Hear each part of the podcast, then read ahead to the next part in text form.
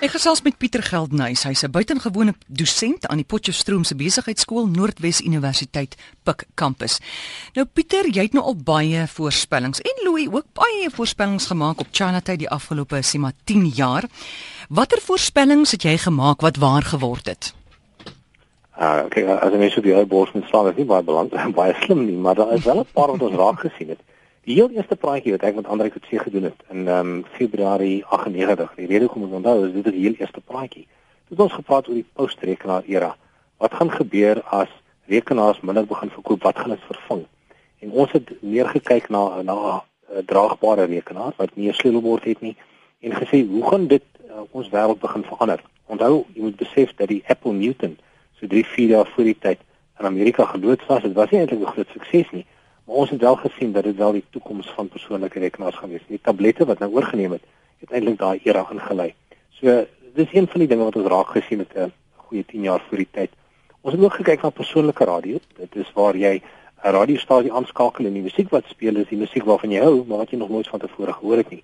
En twee van die grootste rekenaardienste uh, in Amerika, Pandora en Last FM, doen geweldig goed op die aandelebeurs, het juis hierdie mark ontgin.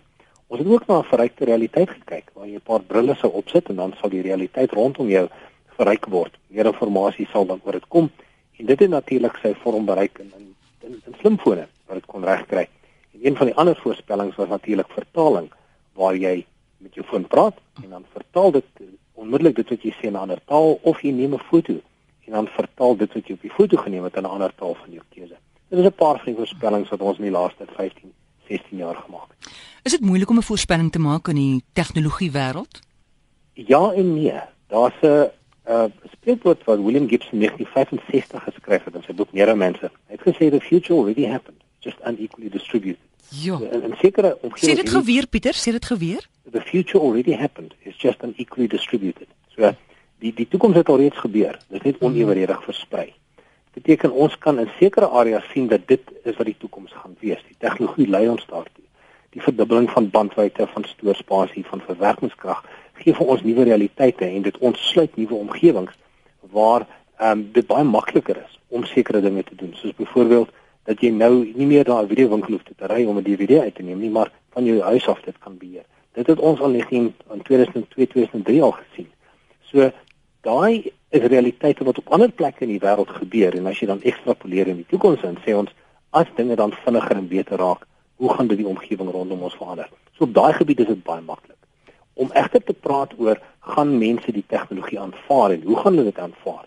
Ehm um, ek en Louis was byvoorbeeld heeltemal uit met sosiale netwerke. Ek dink meeste van die mense ook en oor en oornag uh, het sosiale netwerke 'n vreeslike groot rol begin speel. Ek dink seker omdat dit 'n bietjie ouer is as die normale luisteraar. Maar ehm um, dit is een van die van die redes dat dit baie moeilik is want jy kan nooit voorspel hoe die omgewing of die individu gaan reageer op 'n tegnologie nie. Die tegnologie kan daar wees of dit wel aanvaar word, weet ons nie. Watter voorspellings het nie waar geword nie? O, 'n hele paar. Ons het uh, byvoorbeeld al voorspel hier in die jaar 2021 dat elektroniese aankoopstrokies gaan verdwyn. As jy byvoorbeeld nou na 'n uh, winkel toe gaan, dan gaan jy dit of in jou e-posadres kry of jy gaan dit uh, op 'n webwerf kry wat dit vir jou bymekaar maak. So hoekom jy nog met strokies moet rondhardloop, weet niemand nie, maar dit is een van die voorspellings wat ons heeltemal mee uit was. Ons het al gedink dit al 5, 6 jaar terug daar 'n oplossing daarvoor sou gewees het. 'n Paar ander wat ons gemis het, um, persoonlike video-opname en verspreiding, dis dan waar jy 'n bril aan jou sou dra en dan jou realiteit sou afneem en dit versprei met mense rondom die wêreld. Veral as jy 'n popster of 'n uh, filmster is, dan kan jy dan wonder jy wat wat doen Brad Pitt tans? En as jy dan R10 betaal, dan kan jy vir 10 minute inskakel op sy uitsending. Ja. Ons gedog daar's 'n paar interessante dinge wat daar gaan gebeur. Ons voorspel wel egter, dis so 2 of 3 jaar weg, dat dit wel met Google Glass wat ons oor so 2 weke terug gepraat het, dat dit wel 'n realiteit gaan begin word. Ja. En uh, Ja. Dis tog, wie wat gaan ek nou doen? Ek gaan nou vir jou groet en jou terugbel want die, die klank van hierdie lyn is nie so goed nie. Kan ek jou op jou selfoon bel? Jy kan jy kan bel soos jy wil. Want want mense kla nou hulle kan dit nie lekker hoor nie en, en jy praat nou super belangrike okay. goed en ek wil nie hê ons moet hierdie inligting mis nie. Goed, dankie. Ek is nou weer by jou. Nou nou nou.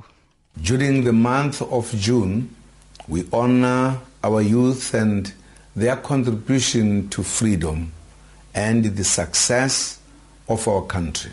We urge the youth to join us in the campaign to eradicate drug and substance abuse, which is tearing families and communities apart. Let us support affected families. Let us support law enforcement agencies to bring drug peddlers to book.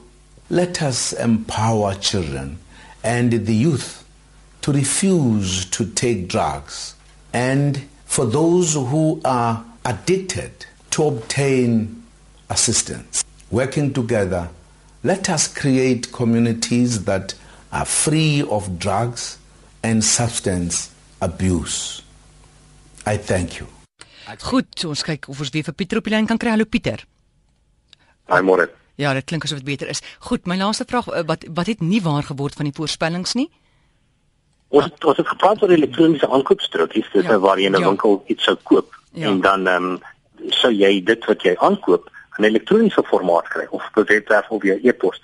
En ons is heeltemal uit daarmee. Ons het gedink dat daar 'n elektroniese oplossing daarvoor vinniger sou wees. 'n uh, Ander element wat ons heeltemal uh, foutief was, was persoonlike videoopnames waaroor ek laaste gepraat het. Dis nou waar 'n popster of 'n filmster sy lewe afneem met 'n paar brille wat hy dra. En dan kan individue daarop inkoppel om te kyk wat hy tans ervaar. Ehm um, ons ons is wel verseker die volgende 3 na 4 jaar maak ons egter die voorstelling dat dit wel gaan waar word, maar ons tydsraamwerk is heeltemal uit. Een van my groot foute wat ek in die verlede gemaak het, is om te dink dat selfoonnommers gaan verdwyn. Nie dat dit heeltemal gaan verdwyn nie, maar dat dit met jou naam vervang gaan word. Net soos wat mense die uh, sosiale netwerke en ook hierdie ehm um, uh, oproepprogramme soos Skype en 'n hele paar ander meer en meer gebruik, het ons aanvaar dat jou naam die primêre ehm um, identifikasie gaan word van 'n individu en nie meer 'n nommer nie. Maar ons moet besef dat nommers was al deel van ons mense se uh, uh, omgewing vir die laaste 100 jaar en ons gaan nie baie maklik en vinnig daarvan ontslaa raak nie. So ek was baie baie verkeerd deur te dink dat jou naam 'n hoër prioriteit gaan kry as jou selfoonnommer. Weet jy ons moet eintlik nie praat van voorspellings nie, dit is vooruitskattings. Jy is heeltemal reg. Dis 'n beter woord. Goed, wat skat jy vooruit? Skat van vir 2020. Uh, vir 2020 is dit tamelik maklik. Ons sien 'n baie baie hoë internetspoed vir almal of vesel of uh, uh, koordloos. So ons kan amper 'n uh, internetspoed 10 keer vinniger verwag as wat ons tans het in die volgende 5 na 6 jaar. Um, ons gaan ook sien dat meer individue hulle lewens gaan begin opneem, ook terwyl hulle bestuur of terwyl hulle rondloop. So die tegnologie gaan van so aard wees dat jy genoeg bandwydte of stoorspasie in jou rekenaar of selfs op jou paar brille gaan hê dat jy jou lewe kan opneem. Ons sien al reeds dat mense in plekke soos Rusland dit al al meer begin doen en dat sekere versekeringsmaatskappye dit vereis. So jy sit dan 'n video oh. in jou in jou voertuig en dit jy neem af oral waar jy ry en ook die wie die bestuurder is soos jy ry. So dis een van die voorspellings wat ons ook na kyk. En dan dink ons dat dit hoogtyd om elektroniese beheerpaneel vir jou lewe te kry. Dit beteken dat jy op vanaf een plek al jou rekeninge kan bestuur, al jou aankoopbewyse bymekaar kan maak, al jou ehm um, belastings kan bestuur van een sentrale elektroniese paneel af. Jy kan ook natuurlik dinge by jou huis of jy kan kyk waar jou voertuig is of waar jou selfoon is. Alles van 'n sentrale omgewing af. En ons sien dit as een van die die groot tendense. En dan ehm um, en natuurlik ook sosiale netwerke wat op op die omgewing van toepassing is.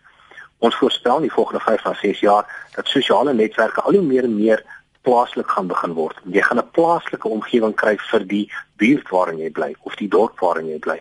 En dat uh, mense dit al hoe meer en meer gaan gebruik om onder mekaar inligting uit te ruil.